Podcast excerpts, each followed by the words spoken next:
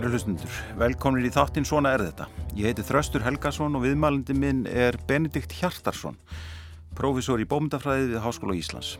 Benedikt sendi nýlega frá sér þýðingu á einni af merkustu skáldsugum fyrir hluta 20. aldar. Minnisblöð Maltes Laurits Brygge eftir austurísk ungverska rittöfundin Rainer Maria Rilke en bókin kom uppelað út árið 1910. Þetta var eina skaldsaga Rilkes en í henni lýsir hann glímu söguhetjunar við stórborginna og glundróða nútímans, grimmilegar æskuminningar og brotur efruskri menningasögu. Ég ætla að ræða við Benedikt um skáldi Rilke, þessa einu skáldsögu hans og tengslenar við framústefnu og mótinisma á fyrstu áratugum 20. aldarinnar en í ingangi reytsins varpar Benedikt afar forvitnilegu ljósi og ströyma og stefnur í bómyndum í upphafi aldarinnar. Að lókum ræðum við um áhrif Rilkes og minnisblada Maltes Laurits Brygge á bókmyndir sem fylgdu í kjölfarið.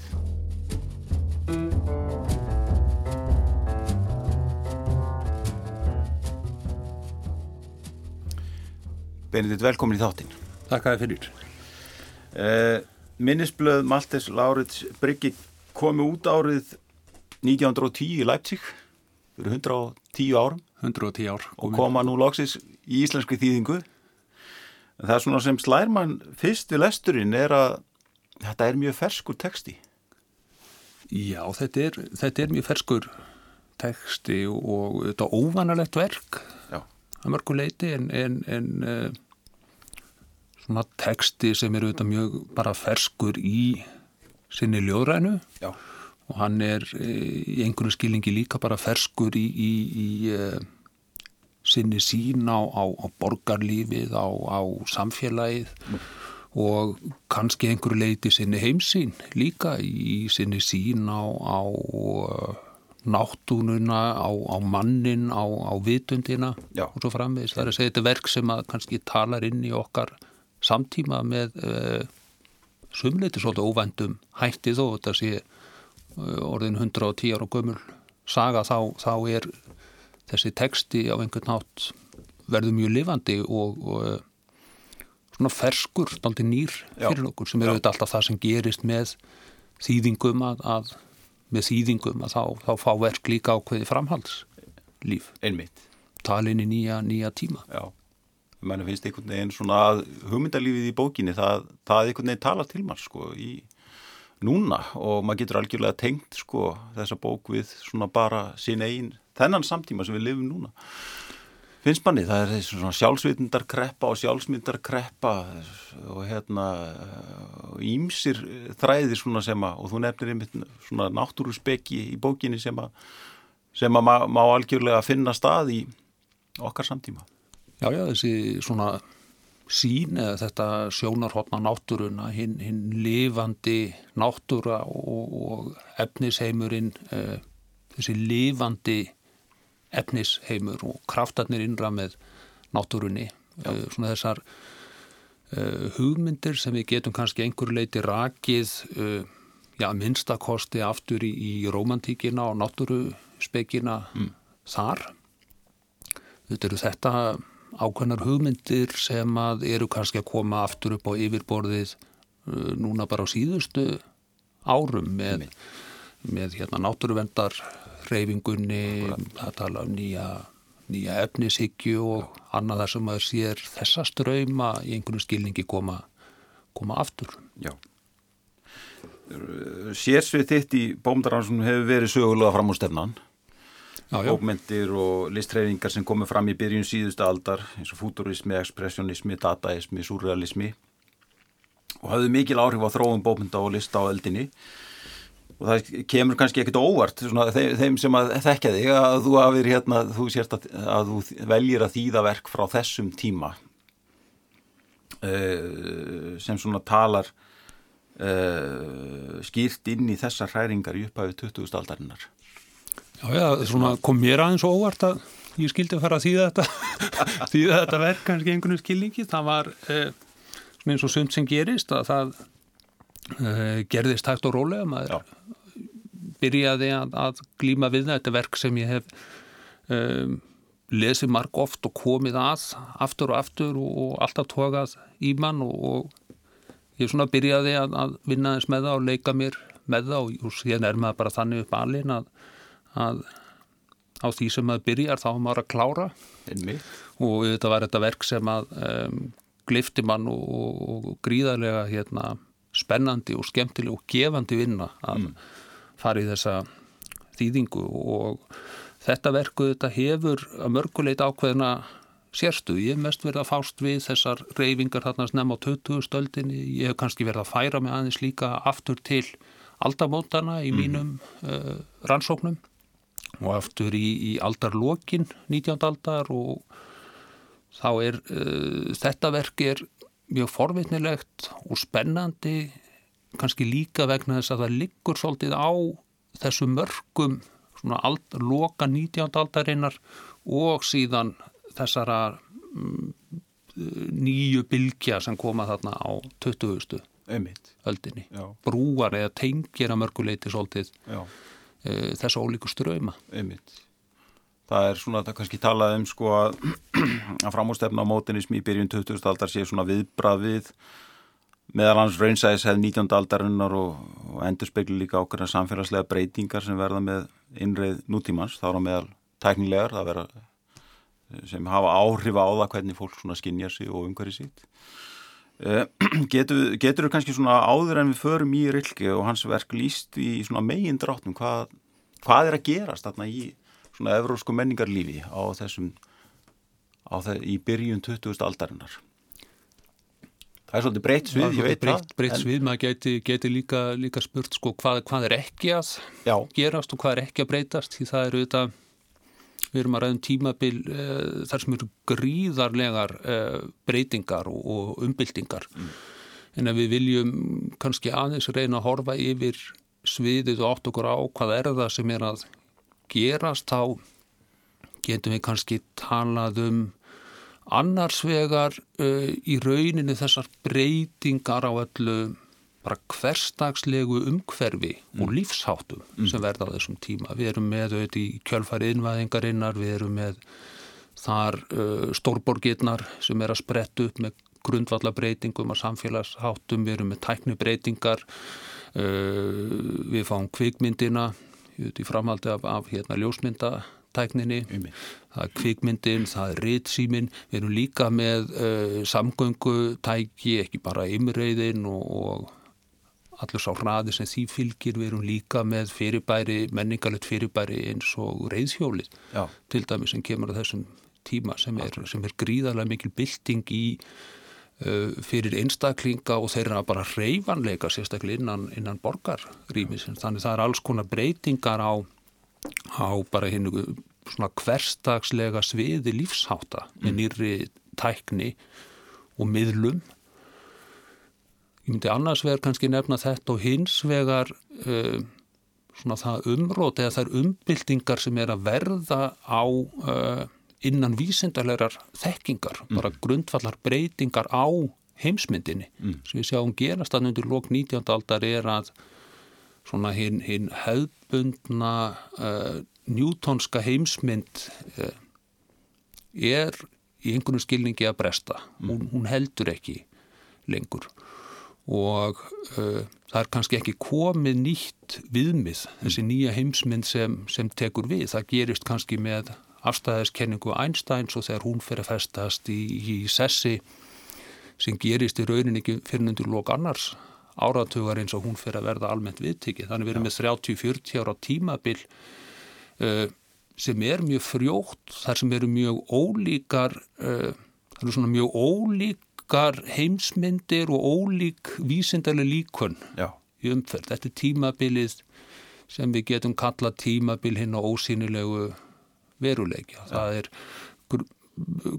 gamla hugmyndin um þessa uh, svona heimsmynd sem að er uh, byggir á einhvers konar föstu efni. Og hún er að flosnum það er hugmyndin um efnið sem tímabundi ástand orku, þetta er tímabilið þar sem við fáum röntgen uh, geislana, hugmyndin um uh, sko ósýnilegar bylgjur, ósýnilegir geislar já, út um allt. Hugmyndir um, um vitundina sem uh, bylgjur já, í rauninni Já. og, og orku, endurskilgreining á slíkum þáttum og uh, allar þessar hræringar eru í, í, í gangi á þessum tíma uh, svona hinn uh, líffræðilega náttúruvalskenning í sinni hefðbundnu mynd frá Darvin mm. er sömuleiðis í ákveðinni kreppu á þessum tíma svona hugmyndir sem við getum tengt við rakið aftur til í rauninni Lamarck mm. Um erfðir áunina eiginleik og annað eru mjög áberend á þessum tíma sem getur orðið opnun fyrir jafnvel ákveðnar sko trúarlegar uh, hugmyndir um, um þróunina um einhvers konar drivkraft eða andlegan kraftjafel í þróunin einhvers konar teleológi eða markíkja fyrir skindilega að koma mm. þar inn bara sem uh, svona nokkur dæmi um þessa deglu í, í vísendaumræðin á þessum Einmitt. tíma þessi, þessi, þessi upplöst umrót sem við sjáum á sér að hluta til rætur í orðræðu vísendana sjálfra. Og þetta skilar sér síðan inn í inn í listirnar og inn í bómyndunar og, og meðan í gegnum ymitt uh, reyfingarnar sem að spretta fram þannig í byrjun aldarinnar hraðin og tekník á fútirustunum og, og, og því svona einmitt þetta ósýnulega og dullræna í, veist, í dataisma og surrealisma og svo framvegis. Algjör, algjörlega og, þar getur við sagt hann eru, eru listamenn, rítöfundar að uh, taka inn þessa nýju mm. hugmyndir, reyna að átta sig á þeim, uh, leggja út af þeim eða jáfnvel að, að uh, svona sportna gegn þeim á, á einhvern hátt, gegn uh, kannski hefðbundnari vísindahyggju eða reyna að ná tökum á, á þessu nýju mm. vísindakenningum með sínum aðferðum og sinn, sinn hátt en, en það er uh, svona þetta samband verður auðvitað mjög mikilvægt. Emmitt. Og ef við snúum okkur þá að Rilke og svona hvernig hann kemur þarna inn, hver, hver var Ræni Marja Rilke? Hann er uh, ljóðskáld, við kannski þekkjum að fyrst og fremst þannig mm. og þetta verk kemur þarna 1910 þá hefur hann getið sér nokkuð gott orð sem, sem ljóðskáld hafa komið uh, nokkra ljóðabækur eftir hann þarna á undan. Hann hefur kannski sérstöðu svolítið ef við horfum bara á þýskumælandi bókmentir á þessum tíma þá kemur hann úr hinnum þýskumælandi minnulegt í Praga Einmitt.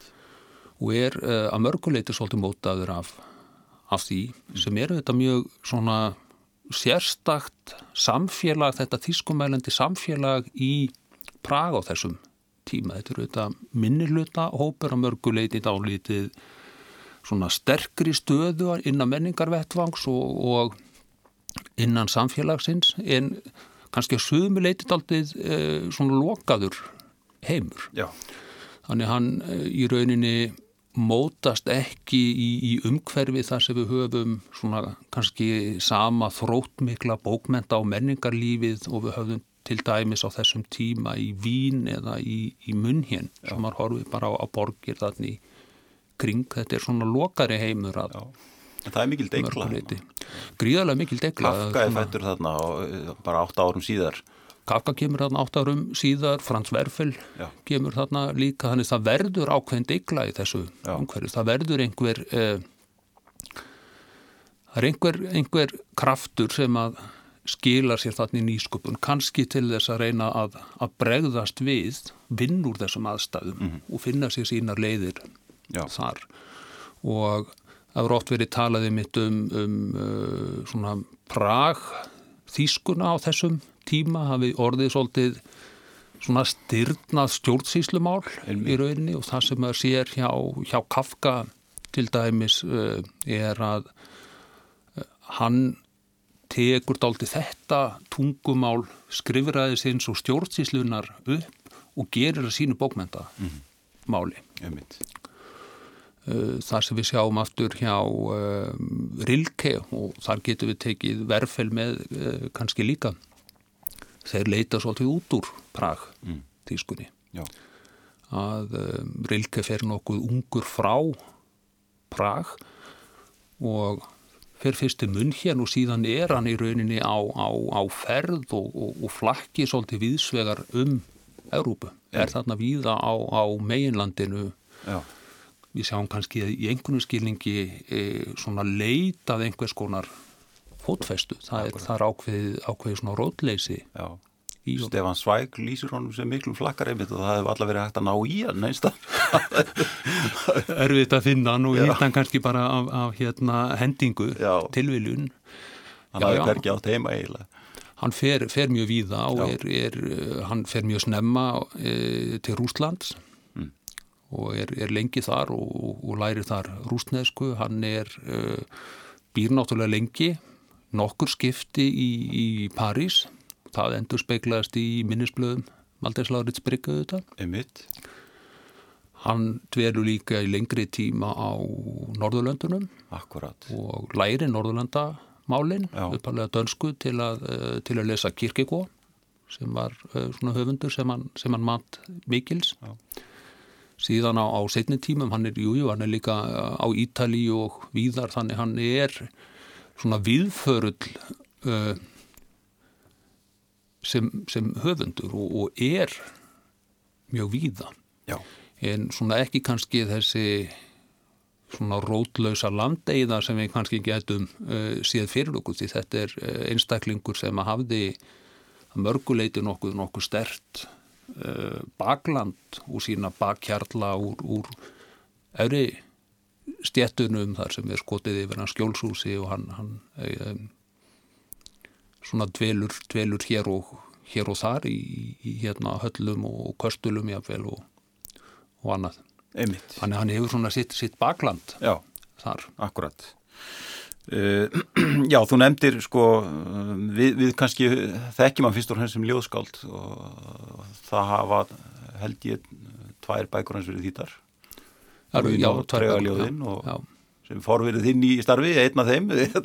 Kristján Já, og 1996 og svo þýtti Hannes Pétursson uh, sögur að himnaföður sem kemur úr 1959 og það er kannski uh, hérna Hannes ymitt, þeirra ljóðlist kannski kallast svolítið á. Það er svona hérna svona hérna þeir eru báðir að vinna bæði sem, í, í, sem nýjungamenn en líka með stert tengsli hefðina, ekki satt jú, jú, maður, maður sér hjá, hjá Hannesi þessi þýðing sem kemur hérna í lok sjötta áratugarins og, og að, að uh, maður sér alveg hvaða er í, í rilkesóldi sem að dregur, dregur Hannes að, að, að verkinu. Það er uh, svona þessi framsækna nútíma ljóðlist með sterkar tengingar líka aftur í, í hefðina mm. og uh, sömulegðis auðvitað líka náttúruskáld í einhverjum einmitt skilningi og, þær, þær tengingar mm. þannig að uh, við, við uh, sjáum þær tengingar við skáldskap og, og höfundarverk Hannesar á, á, á kannski ólíkan hátt. Akkurat. Síðan koma dúin og tregaljóðin þannig kringu 90 og, og, og kannski er það það kannski kemur bók á svona 30 ára fresti ef við hugsaum það þannig, er Akkurat. þá, þá hérna þriðja núna síðan eru þetta slatti af uh, ljóðum sem hafa byrst í, í stökum þýðingum í gegnum tíðina svona alveg frá, frá lokum bara 5. áratögarins. Akkurat, akkurat og maður sér það þegar maður flettir í gegnum tímar, Íslands tímaritt frá þeim tíma að hann var ofarlega í huga íslenska ljóðskálda til dæmis. Á þessum tíma? Já, já, hann, hann, hann dúkar upp uh, hér og þar á ólíkum stað og, og, og, og hérna margir ólíkir þýðendur sem spreita sig við að Málfrúður Einarstóttir uh, þýðir og Jóhann Hjálmarsson og, og uh, Jónis og Köllum uh, þannig hann verður svona mikill hluti af kannski þessari hefð nútíma ljóðsins. Þetta er auðvitað tímabili líka þar sem að uh, svona módernismin er að festa sig í sessi hér og það er verið að byggja upp ákveðið hefðarveldi þessara nýju bókmenta nákvæmlega. sem ákveðin grunn fyrir uh, þessar hræringar í íslensku bókmentum á þessum tíma og þar á Rilke sinn sess Já, eins og aðrir. einmitt. Nú minnisblöð Maltes Laurits Brygge er eina skáldsaga Rilkers. Og hún hefur verið flokkur sem skáldsaga þótt hún sé nú kannski ekki alveg hefbundin í, Hún- í, í forminu. Hún hefur, hefur verið, verið, verið það og, og yðurlega kölluð hans eina skáltsaga Já, og svona eftir, eh, ef maður horfir eh, frá okkar tíma sjónarhóttni er það nokkuð vandkvæðalust að flokkana sem skáltsögu já, þess að við erum með eh, kannski greinar heiti ef við tölum um, um skáltsöguna sem er orðið svona nokkuð eh, kannski opnar á víðara heldur en það er á þeim tíma sem hún er rituð. Uh, Rilke sjálfur uh, talar aldrei um þetta verk sem skáldsögu, hann talar um þetta sem bók. Já. og, og prósa, prósabók. Prósabókin mín uh, er það sem hann uh, í rauninni talar um og þetta hefur verið bent á tengingar við til að mynda hefð prósaljóðsins eins og það mótast þarna á síðara hluta 19. aldar með svona symbolismanum og, og aftur til hérna sjálfbótilegur og, og svona frönsku höfundana. Það er svona einn ángin í því en það er svona óvenjuleg, óvenjulegt kannski í, í formina mörguleiti vegna þess að þetta eru uh, þetta er í rauninni erum við með safna brotum, þetta eru 71 brot sem að tengjast saman Já. á margvíslegan hátt en hvert brotum sig kannski að mörguleiti svolítið sjálfstæð eining innan verksins Einmitt.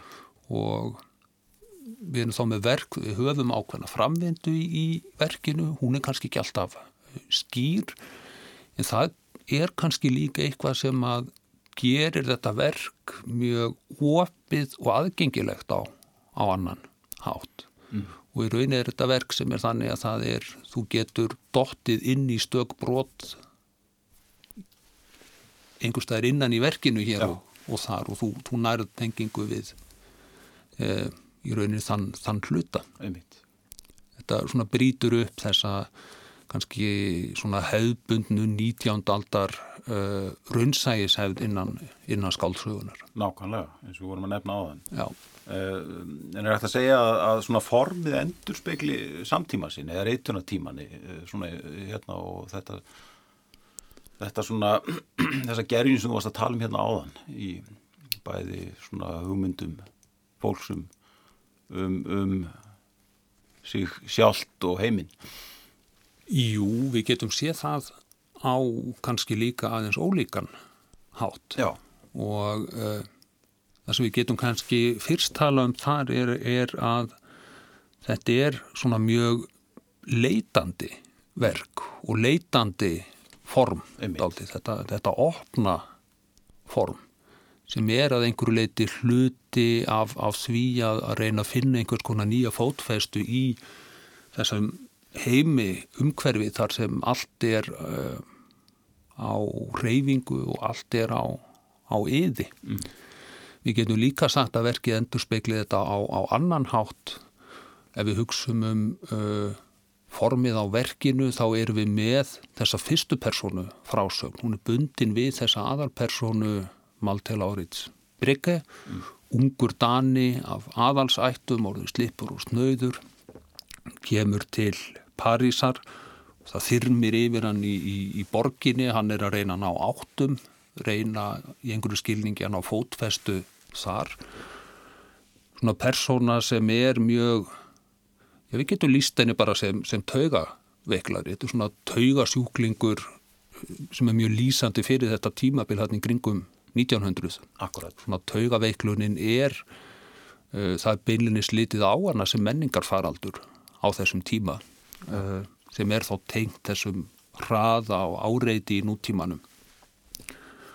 Verkið er síðan byggt upp sem uh, þessi minnisblöð, það er að segja skrif, dagbækur að hluta til þessarar persónu Já, sem eru þetta hún einkennist af, af uh, svona ákveðinu upplöst og sundrun og kannski leitað einhvers konar festu já, líka. einmitt. Þannig þar getum við sagt þetta endur speglist í verkinu Já. líka og þar sjáum við svona tengingar inn í eh, kannski þau verk sem að koma í kjölfæri þar sem er verið að glýma við þetta, svona stórborgar skaldsagan og, og svona þessum, já, svona þessum mótuníska fagurfræði Já. í rauninni.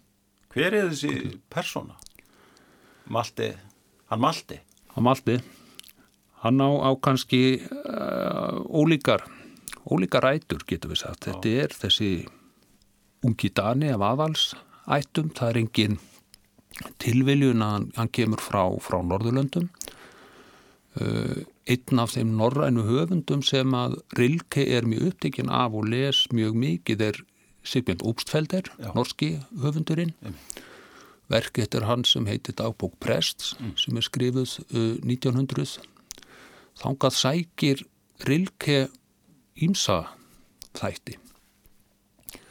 En þessi persónamalti hún að einhverju leiti sprettur af úpstfeldir sem þessum norræna höfundi í París að glíma við nútíman. Það er svona einn ángin Já. úr því. Annar væri sá að segja eins og ofta gert að, að Malte er rilke sjálfur og verkið auðvitað lesið til að byrja með daldið á, á æfisögulegum forsendum og það eru sjálfsæfisögulegir þættir í þessari mm. persónu. Þetta byggir mikið á brefum og skrifum rilke sjálfs frá þeim tíma þegar hann kemur til Parísar í rauninni fyrst, þannig kringu 1903 fjögur, þessi reynsla á, á áreiti og mörguleiti svona hryllingi stórborgarinnar sem við sjáum.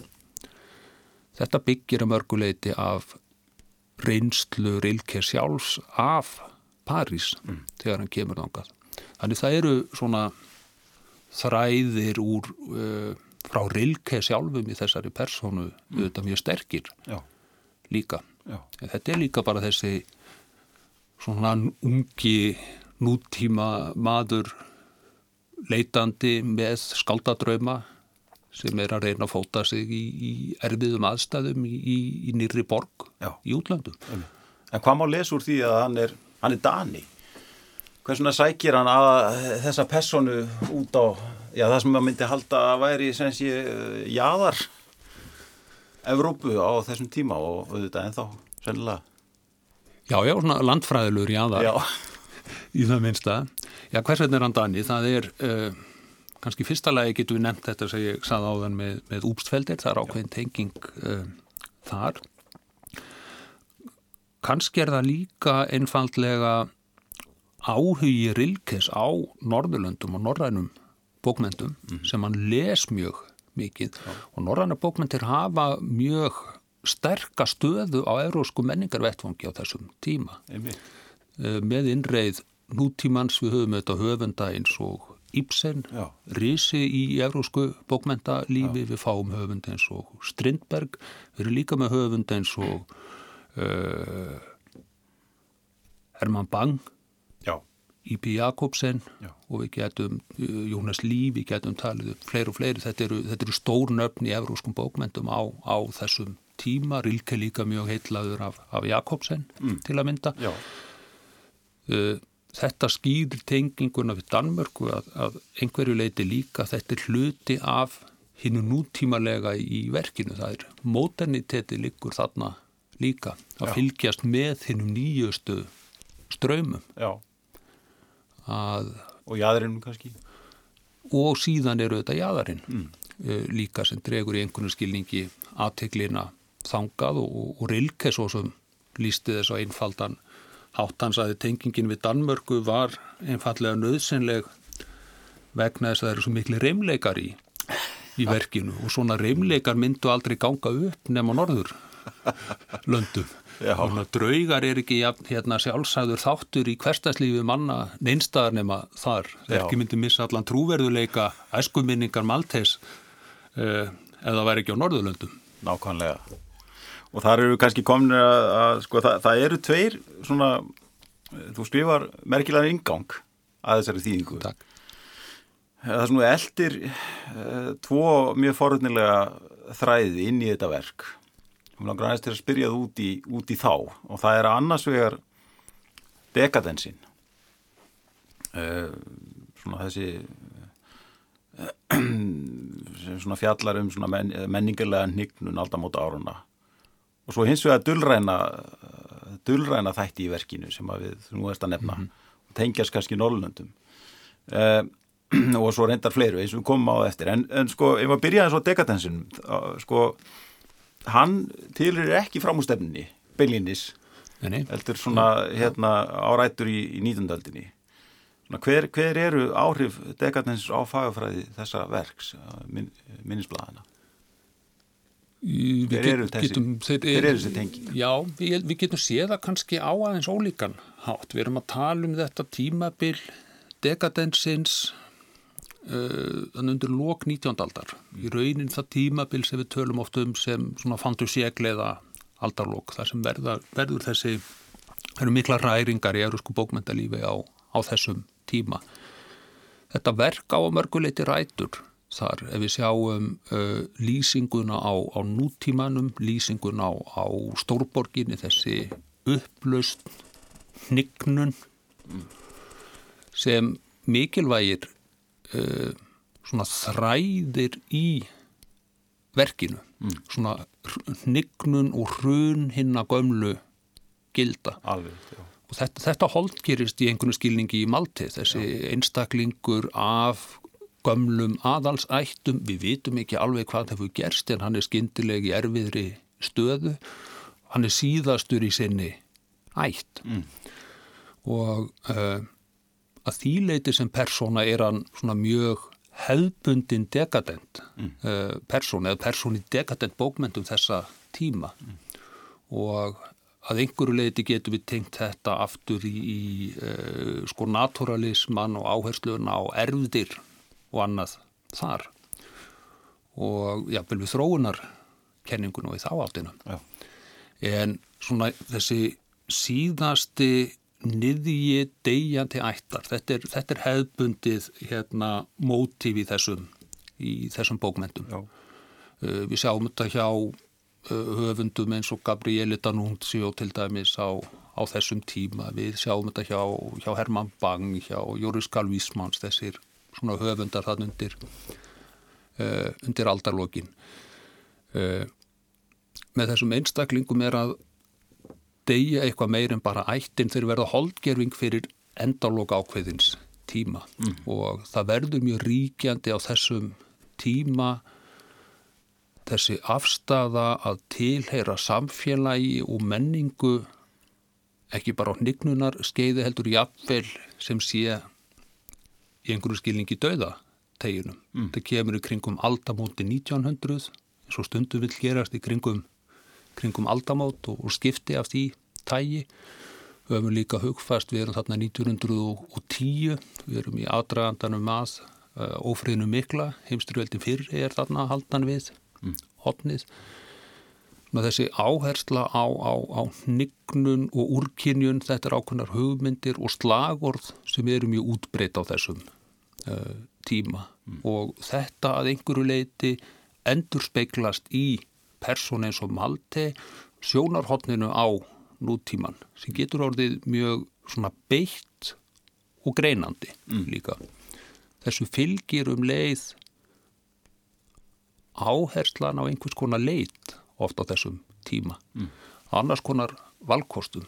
Við getum sagt leitað einhvers konar opnun eða laust mm. eða jafnvel endur endurlaust. Við getum líka jafnvel talað um endurlausnar hugmyndir í, í þeim skilningi leit, einhvers konar nýju leiðum Það tala beinilins um það að það þurfa að læra að sjá upp á nýtt og að læra að lesa reyndar líka Læra að lesa og læra að sjá og svona fóta sig Já. og uh, það eru auðvitað þessi svona önnur sjón sem er Já. mjög mikilvæg þarna að læra, læra að sjá upp á nýtt og læra að sjá á réttan hátt sem kannski leið til að svona ná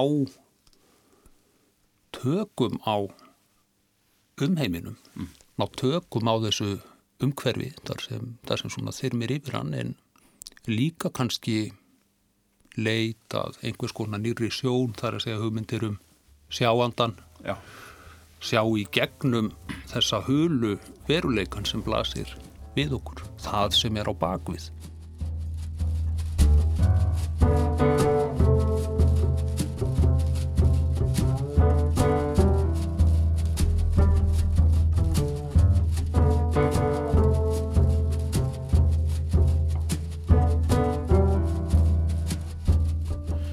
Kæri hlustundur, ég heiti Þraustur Helgason og þið eru að hlusta á þáttinn Svona er þetta. Gestur minna þessu sinni er Benedikt Hjartarsson, profesor í bómyndafræði við Háskóla Íslands. Í þessum þáttum hefur við rættið forvöldinlegt fólk úr ímsum kymum samfélagsins um reynslu þess og viðhorf. Pétur Á Ármannsson, arkitekt, rætti um Guðjón Samuelsson og byggingarlist hans. Hægt er að hlusta á Svona er þetta í spilarrúf og í öllum helstu hlaðvarps veitum. Hann gaf form þeim stopnunum og stöðum sem að, sem að mörguðu leið Íslands að fullveldi, má segja.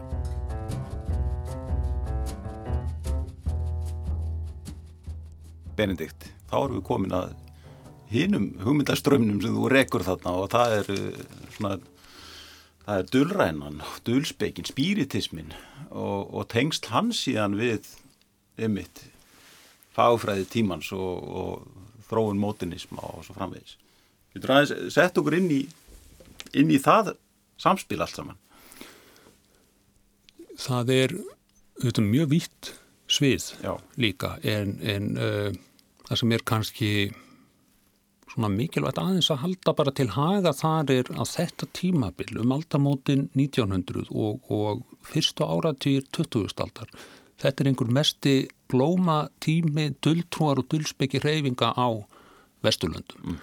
Og það vil kannski stundum gleymast í okkar svona hugmyndum nútíman sem hérna framrásu rökkíkju og skinnsemi og efnishyggju að uh,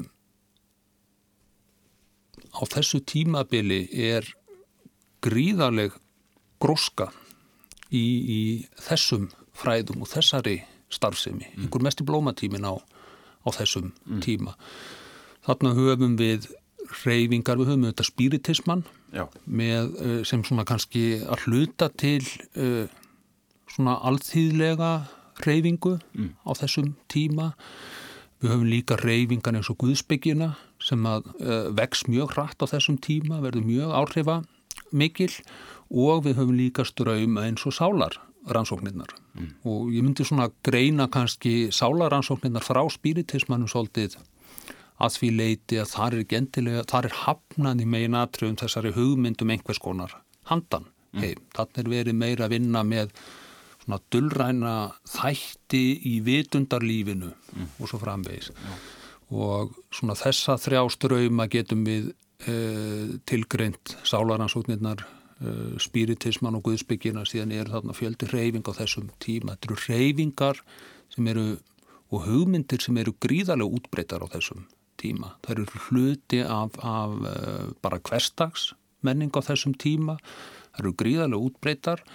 Uh, listamenn, rittöfundar og mentamenn þeir uh, þekkja þessar hugmyndir, margir hverjir á, á, á kafiðum. Þetta er svo ríkur þáttur í hugmyndasögu og allri menningu þessa, þessa tímabils mm. sem við kannski stundum sem við þekkjum kannski lítið til og horfum kannski oft aldrei framhjá en, en Rilke er einn af þeim höfundum sem er mjög vel lesin í öllum þessum ólíku ströymum. Mm. Það eru, hann er einn af þessum mörgu höfundum sem að uh, sökvir sér dálitið ofan í þessi rít og, og þekkir þau og, og það mótar líka verk eins og minnisblöðin skilja sér þar skilja sér þar inn Já.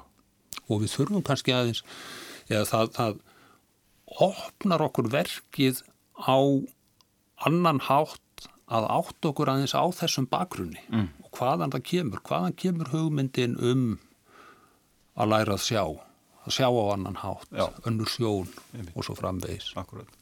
Og þú, þú rekur líka, sé, það er tengst allar milli þessara hugmynda og spiritisma og, og, og svo ósjálfurðara skriftar sem er svo svona eitt af einkennum í mitt mótiníska verka á þessum, á þessum tíma. Já, já, það er uh, Þú kallar Malti eða talaði um hann sem rítmiðil. Ég tala um hann þarna sem, sem rítmiðil og hann, hann verður það kannski í svona framvindu sögunar. Við sjáum að það er, eru svona þessar þrjár tegundir á, á brotum, það sem hann er að lýsa í fyrsta lagi samtímanum og reynslun í París, það eru brotin þar sem eru endurminningarna frá Danmörku og síðan eru þessi svona sögulegu brotur fortíðinni, personur frá miðöldum, alveg aftur í fornöld sem að tengist svona hans lestri og öðru. Mm. Þessar sögur taka dáltið yfir og hann, hann ferir raunin að taka mótið þeim og, og miðla. Mm. Og uh, þetta tengi ég aðeins þannig í inganginu með mitt við þessa hefð ósjálfráðara skrifa mm. Sem okkur er mjög tamt að tengja við einmitt nútíma bókmyndirnar á mjög ákveðin hátt. Það fyrsta sem kemur upp í kollinu okkur þegar við hugsaum um ósjálfráð skrif er surrealismin. Það sem þetta verður auðvitað líkil atriði og ákveð sjónarhóttn og ósjálfráðu skrifin sem að dregur þau all niður eða aftur í, í fröyd. Það er að segja hinn fröydiska hugmyndum um dulvitundina þessi hugmyndum einstaklingin og hennar bældu minningar og, og annað.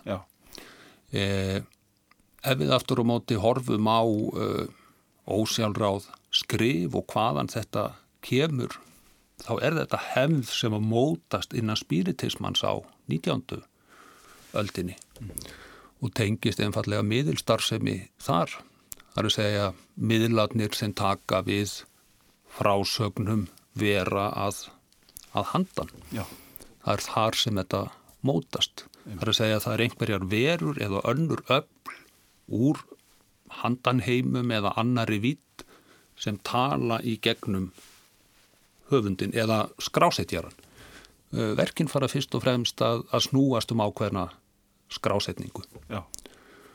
Og það er þarna kapli minnisblöðunum þar sem við sjáum Rilke kallast svolítið á við þessa hefð Einmitt.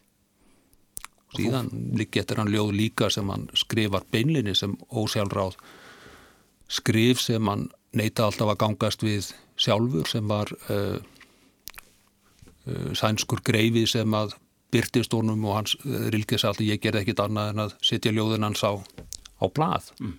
og þetta er mjög algengt á, á þessum tíma. Þetta er, þetta er mjög útbreytt í rauninni þessi tegund af ósjálfráðum skrifum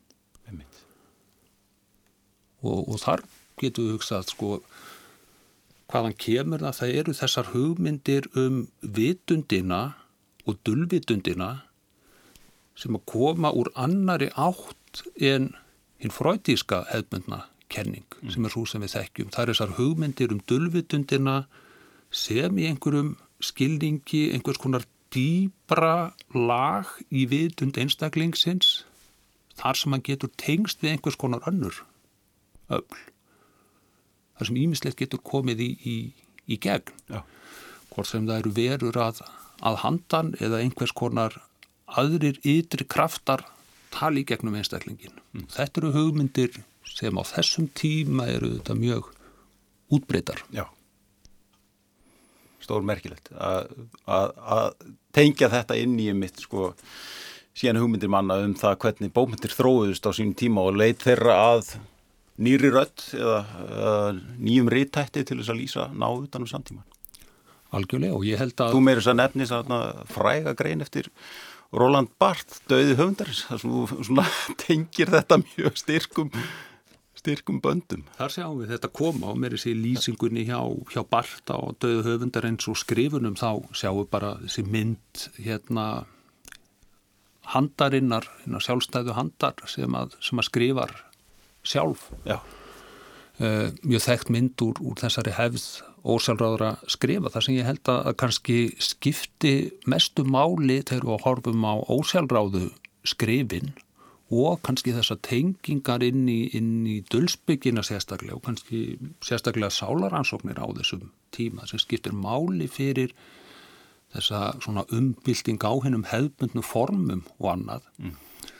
það er þessi afstaf, þessi hugmynd sem felur í sér ákveðna opnun Já. opnun fyrir einhverju öðru það er að segja að þú tekur við ákveðnum verkum, ákveðnum hugmyndum, ákveðnum tungumál ákveðnum skrefum Já. og þú miðlar því og finnur því farveg þetta brítur upp hinn hin, hin hefðbundnu form í einhverju skilningi vegna þess að sá sem skrásetur hann er ekki skuldbundin hefðbundnum uh, reglum eða formum eða venjum hann er fyrst og fremst skuldbundin til að skrásetja nákvæmlega það sem hann sér og heyrir Akkurat. þannig þetta er svona miðils þátturinn. Já, já. Þetta, þetta byrtist ekki með, með beinumhætti í, í uh, eins og minnisblöðunum maður sér svolítið þessa hugmyndum um skrifin og höfundin sem ritt miðil, allar þessar personur úr sögunni sem skrifa og, og tali gegnum hann. Já, einmitt. Eh, við höfum nú mestmenglis rætt þá svona ströyma sem liggja inn í verk Rilkes, en svona hvaða, hver voru áhrif þessa verk? Eh, svona á, á bómyndunar sem eftir komið, eða getur farið yfir það bara mjög snöglega inn í lokin. Já, þetta eru þetta verk sem á sér svona flókna og mikla viðtöku sögu. Uh, Það er oft talað um þetta verk sem svona fyrstu ósviknu nútíma skáldsöguna Já. á þýsku og þar er einmitt verið að horfa svolítið á þetta, þetta brotakenda form, hverfin inn á við líka. Uh, Það er að segja þetta er verk sem að hverfist mikið um þessa, þessa persónu Malti Láriðs Brygge. Hennar vitundarlíf, skinnjun og annað, er lýsing á hinnum innri veruleika en ekki hinnum ytri veruleika, fyrst og fremst. Uh, þannig þar getum við séð í rauninni tengingar við ja, sem við nefndum áðan ósjálfráð skrif setna inn í surrealisman eða vitundarflæðið eða annað Við getum síðan tengingar inn í ekspressionisman í bókmyndum með sinni áherslu á, á einstaklingin og, og hérna uh, tilfinningar, skinn, hrif einstaklingsins. Mm. Uh, við getum síðan tengingar úr þessu verki líka bara yfir í, í sko existensialisman, þessar tilvistar spurningar. Mm sem eru mjög miðlagar þarna í Já. verkinu. Og síðan eru þetta, þetta verk og, og áhrifasagan þar er auðvitað, auðvitað líka mjög bundin við ljóðagerð og höfundarverk, rilke. Það er að segja þetta verk sem hluti af því höfundarverki mm. og hann eru auðvitað einn af þessum svona stórum, þessum stóru brautriði endur mótanismans snemma á 20. stöldinni sem verða uh, svo mikilvægir fyrir mótanisman eins og til að mynda hér heima þegar hann fer að mótast á, á 77. Mm. áratugnum og ef við horfum á, á Rilke og nútíma löglistina þá er kannski ef við hugsaum um, um mótanisman og þá hefð sem hefur verið smíðuð í kringu það hugtak þá eru kannski þarna snemma á 20. stöldinni ef við viljum einhver staðar staðsetja áhrif rilke og, og tengja þá má kannski segja hann er kannski helst við hliðina á, á Elliot mm. í rauninni sem áhrifavaldur inn í, inn í nútíma Einmitt. ljóðið Já. og hann standa sömuleit á svolítið ólíkum, Já, ólíkum með allt erum hætti bara með allt erum hætti og svona svolítið á, á þetta, þessum forvitnilegu mörgu með tenginguna líka aftur í hefðina Já. eins og þetta fleiri höfundar á þessum tíma og, og meni, þessi þýðing kemur núna og er mjög gaman líka á sama tíma. Við skildum fá bók með þýðingum og Yates til Já, dæmis sem eru þetta höfundur sem er að mörguleiti á ekkert ósvipuðum stað. Nákvæmlega. Hvernig var að, að glýma við þennan texta? Tímafrætt, Já, gefandi og gaman hann er uh, það voru svona, ólíkir þættir sem þurfti að, að horfa til í þessum ólíku tegundum af, af brotum mm. en uh, svona sumuleiti uh, fannst mér sögulegu kaplarnir snúnastir sem snúast mikið um þá líka miðaldirnar og svona þessa menningu og, og bara fyrirbriði á þeim tíma mm. sem að voru að mörguleiti dáltið snúnir, kannski vegna sem að sjálfur sem síðandi líka kemur úr, úr annari mm. átt. En síðan er svona þessi, þessi ljóðræna í tekstanum. Uh, þetta verður auðvitað á, á, á köplum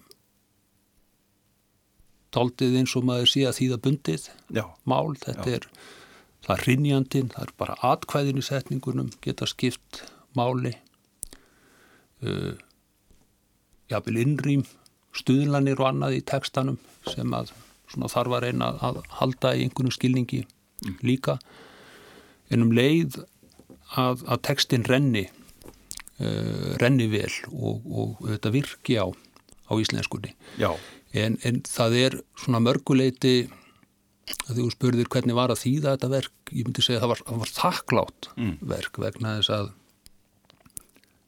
það að þýða verketur höfund eins og rilk er að mörguleiti myndi ég segja dáltur forréttindi vegna þess að, að uh, hann er svo mikill nákvæmnismadur á, á orð Já. að því meiri tíma sem að gætt gefi sér til þess að dunda við setningarnar og slýpa þær til þá svona batnaði þýðingin sem er ekki endilega alltaf raunin þegar maður glýmir við texta. En ég get vitna um það að þér textu vel að flytja þetta inn í Íslenskt mál, Íslenskan málheim og ég óskaði bara til að hafa mikið með þessa þýðingu. Takk fyrir það. Og takk hella fyrir komina. Ég þakka fyrir mig. Kæru lustundur, við verum hér aftur á viku liðinni. Góða stundir.